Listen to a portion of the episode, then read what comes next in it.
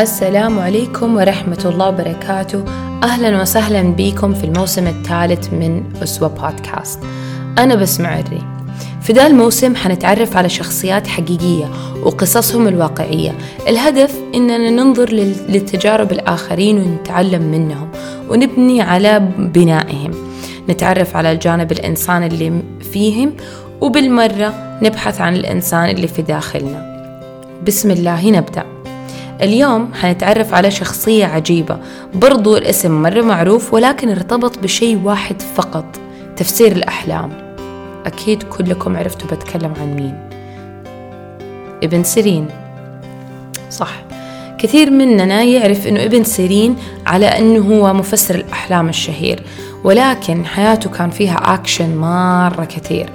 أولا إحنا نعرف إنه اسمه ابن سيرين ولكن اسمه الحقيقي محمد ابن سيرين يعني سيرين أبوه. وتبدأ القصة بأبوه اللي هو سيرين. فتحت بلاد العراق ووصل خالد بن الوليد لمنطقة اسمها عين التمر. في هذه القرية كان فيها كنيسة مرة كبيرة مقفلة بالسلاسل. دخل خالد بن الوليد الكنيسة فلقى فيها تقريبا أربعين واحد من نوابغ المنطقة. شباب أعمارهم من الأربعة عشر للسبعة عشر شيء زي كذا. كانت من عاداتهم إنهم يحطوا الناس المميزة بمعزل عن المدينة وإزعاجها عشان يعني يبدعوا أكثر ويصير التشتت أقل. المهم أخذهم خالد بن الوليد كلهم إلى المدينة وأعطاهم لأبو بكر. وأبو بكر بدأ يوزعهم على بيوت الصحابة. طلع ابن سيرين من نصيب أنس بن مالك لأنه لأنه آه سيرين كان من النوابغ اللي كانوا في الكنيسة. وطلع من نصيب أنس بن مالك اللي هو خادم النبي عليه الصلاة والسلام اللي technically يا جماعة تربى في بيت النبوة. المهم فترة كده وأسلم سيرين فأعتقه أنس بن مالك فصار مولى ما صار عبد anymore لكن آه، قرر سيرين أنه يبغى يجلس عند أنس بن مالك ويتعلم منه قدر المستطاع. طبعا أنا دائما أتخيل يعني يا ترى كيف كان أنس بيعامله رضي الله عنه؟ ويا ترى إيش اللي شافه في البيت خلاه يبغى يجلس معاه بدل ما أنه يطلع ويشوف حياته. المهم في يوم من الأيام جاء سيرين لأنس وقال له أنه يبغى يشتغل. فأنس سأله قال له طيب أنت إيش تحب تسوي؟ إيش تعرف تسوي؟ فقال له سيرين أنا مرة شاطر في صنع النحاس. أنا شاطر في أسوي قدور وكذا يعني. وبدأ يشتهر في المدينة في شغل النحاس آه والقدور. فكان آه فكان يعرف في المدينة عنده لقب بصانع القدور سيرين. المهم عدت فترة من الزمن وبعدين راح لأنس بن مالك مرة ثانية وقال له يا أنس أريد أن أتزوج أنا أنا أبغى أتزوج. صراحة أنا مرة يستوقفني كيف يرجع لأنس بن مالك دائما في كل شيء. يعني مرة حلو إنه البني آدم يكون عنده شخص زي كذا يثق برأيه. وتخيلوا يعني هذا الشخص خادم النبي عليه الصلاة والسلام يعني. ويثق برأيه يثق بحكمته يثق بدرجة إيمانه يحترمه يستشيره في الأمور المهمة في حياته. يعني a life coach or a mentor. المهم فقال له آه قال له أنس إنه طيب خلينا ندور. وبدأ يدور آه، أنس بن مالك على عروسة لسيرين. وأخيرا بعد زمن وجد الشخص المناسب صفية. مين صفية؟ صفية كانت أما عند أبو بكر رضي الله عنه وأرضاه. راح أنس يبغى يطلب يد صفية لسيرين. فقال أبو بكر أمهلني فترة أحتاج أسأل عن سيرين أخلاقه ودينه وزي كده طبعا يا جماعة تخيلوا أنه صفية أصلا تعتبر أما عند أبو بكر يعني وبرضه لازم يسأل ويدور. المهم مرت فترة من الزمن وأبو بكر ما رد على أنس فرجع أنس لأبو بكر يسأله يقول له يعني يعني إيش إيش صار؟ فقال أنس لأبو بكر يا أبا بكر زوجها سيرين فوالله ما وجدته إلا صحيح الدين وفي المروءة. وهو حسن الخلق. لم يفارقني ولم أفارقه منذ أتى. طبعا يا جماعة اللي ما سمع حلقة المروءة يرجع لها عشان بس تستوعبوا لما أنس بن مالك يقول عن بني آدم أنه وافي المروءة. حتى I cannot even imagine كيف كيف أخلاقه كانت. المهم فوافق أبو بكر طبعا بعد ما سأل صفية وصفية وافقت. فأبغاك تتخيل بس كذا معايا إنه مولى أبو أبو بكر رضي الله عن عنه أو, أو الأمة اللي كانت عند أبو بكر اللي هي صفية حتتزوج مولى أنس بن مالك اللي هو سيرين حيتزوجوا مع بعض. الفرح كان مرة مرة مرة مرة حلو. حيجهزوا العروسة ويزينوها ثلاثة من أمهات المؤمنين. على رأسهم أمنا عائشة رضي الله عنها. يحضر الفرح 18 بدري. إيش يعني 18 بدري؟ 18 من الذين شهدوا بدر. يعني يعني ناس مو عادية. في يوم من الأيام جبريل عليه السلام سأل النبي عليه الصلاة والسلام قال له يا رسول الله من خياركم؟ مين أفضل الناس عندكم؟ فقال النبي عليه الصلاة والسلام أهل بدر. فقال آه، آه، جبريل ونحن كذلك. يعني حتى إحنا معشر الملائكة أهل بدر عندنا ليهم ليهم مكانة مختلفة. فتخيلوا 18 بدري شهد هذا الزواج. آه مين اللي حيعقد القرآن اللي حيكتب الكتاب؟ يعني أبي بن كعب. طبعا برضو أبي ما هو أي أحد. آه كاتب وحي النبي عليه الصلاة والسلام كان يكتب الوحي في زمن النبي عليه الصلاة والسلام. وكان النبي عليه الصلاة والسلام يحب يسمع القرآن من أبي. وكان من الناس اللي النبي عليه الصلاة والسلام قال عنهم آه آه استقرئوا القرآن من أربع آه وذكر فيهم أو منهم أبي بن كعب رضي الله عنه. المهم بدأت حياتهم الزوجية تخيل بس كذا كيف حتبدأ حياتهم صفية وسيرين. تخيل البني آدم وافي المروءة والبني آدم اللي تربت في بيت أبو بكر حيعيشوا مع بعض. وبعد فترة جاء البيبي محمد بن سيرين. كيف حيتربى؟ إيش الأسس اللي حيربوا فيها ابنهم؟ كان عندهم حرص شديد إنه يتعلم. مرة كانوا يبغوا سيرين أنه يكون آه، آه، يتعلم الدين قدر المستطاع ويتعلم الفقه قدر المستطاع. فكان يجلس في حلق العلم الموجودة في المدينة. جلس آه، في يعني من أستاذ الأستاذ من أستاذ الأستاذ كذا يعدي.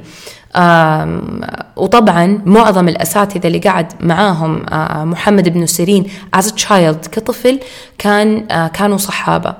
تخيلوا أتعلم محمد بن سيرين على يد ثلاثة من العبادلة الأربعة.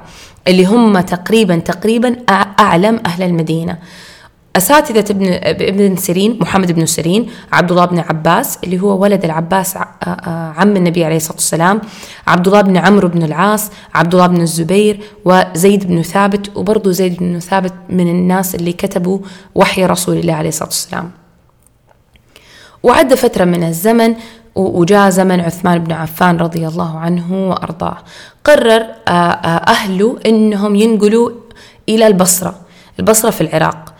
ليش يبغوا يروحوا البصرة؟ لأنه البصرة كانت مدينة جديدة بناها عمر بن الخطاب وذاك الوقت كانت كأنها كأنها يعني مدينة جامعية. أي أحد يبغى يتعلم أو يعلم يروح هناك.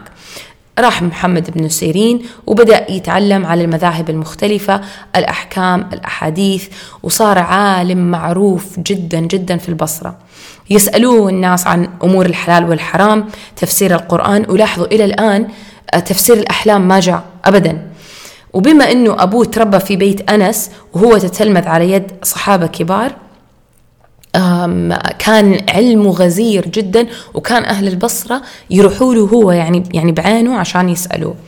وبدأ يشتغل في التجارة وكان شاطر كان تاجر شاطر مرة كثير. ألين صار موقف مرة صعب. إيش الموقف اللي صار له؟ طبعا موقف في التجارة. اشترى زيت زيت آه، بالدين. بأربعين ألف دينار. راح للبيت بعد ما اشترى الزيت وبدأ يفتح التنكات الزيت علشان يعني يوزعها ويبدأ يبيعها تاني يوم. فلقى في واحدة من تنكات الزيت فار ميت متعفن. إيش الحل؟ إيش الحل؟ إيش الحل؟ بدأ يفكر إنه okay طيب اولا الفار ميت في التنكة حقت الزيت. الزيت كله اللي أنا اشتريته أكيد طالع من معصرة واحدة. فبما إنه طالع من معصرة واحدة معناته على الأغلب كل الزيت اللي موجود خربان. طيب ممكن يرجع الزيت لصاحبه. ممكن ولكن في دي الحالة صاحب الزيت ممكن يبيعوه لشخص آخر فيتضرروا الناس. قرر محمد بن سيرين إنه يرمي الزيت كله. طيب ممكن بس يرمي التنكة اللي فيها الفار الميت. لا لا لا, لا. هو لأنه آه، درجة التقوى عنده عالية جدا. فاحتياط من باب ال just in case حيرمي كل الزيت. طب دحين مشكلة. ما عنده بضاعة عشان يبيعها and he makes money ويسد دينه ولا عنده فلوس يرجعها آه، عشان يدفع فيها الدين لصاحب الدين. فكان وضعه مرة صعب plus عليه دين. الزبدة إنهم أخذوه وسجنوه. وحيجلس فترة طويلة في السجن. في السجن كان يتعبد الله سبحانه وتعالى وكان كثير كثير الصلاة كثير آآ آآ كثير الدعاء لدرجة أنه السجان كان مرة يحزن عليه. وبعد مرور فترة من الزمن جات رسالة من أنس بن مالك من في المدينة أنس لسه في المدينة أنه وصيتي إذا مت أنه اللي يغسلني محمد بن سيرين. وبالفعل بعد فترة بسيطة جدا مات أنس بن مالك وأصدر مرسوم ملكي أنه يخرج ابن سيرين يغسل ويكفن أنس بن مالك. سبحان الله. فقال ابن سيرين لا والله لا أخرج حتى أستأذن صاحب الدين.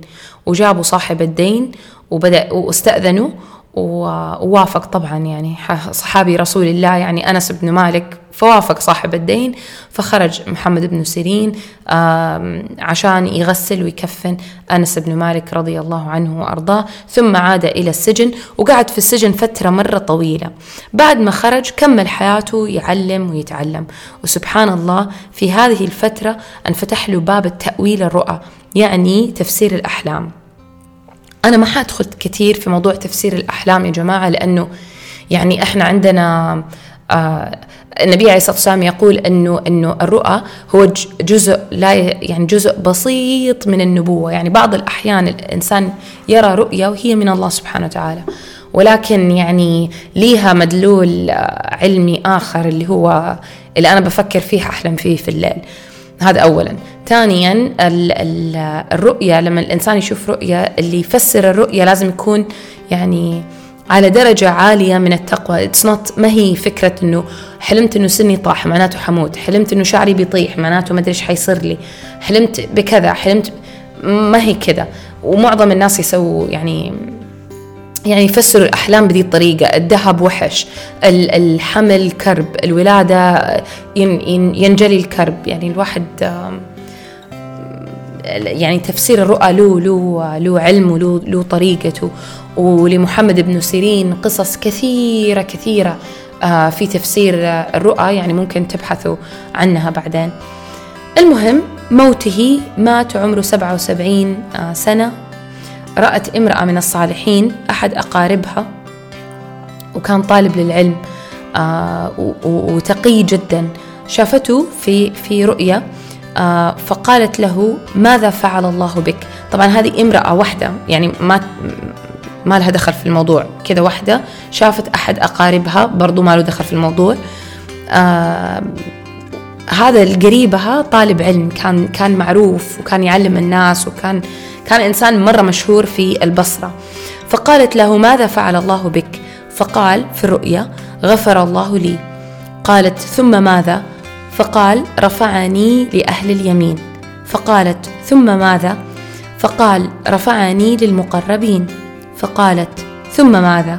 فقال وجدت هناك الحسن البصري ومحمد بن سيرين. طبعا يا جماعة هذه رؤيا ولكنها جميلة. والله أعلم فين مكان كل واحد فيهم. أنا عن نفسي لو أحد من الصالحين شافني في الجنة حموت من الحماس. المهم كذا نكون وصلنا لآخر الحلقة. أسأل الله يا ربي أنه ينفعنا بما علمنا ويزدنا علما. سبحانك اللهم بحمدك. أشهد أن لا إله إلا أنت. أستغفرك وأتوب إليك.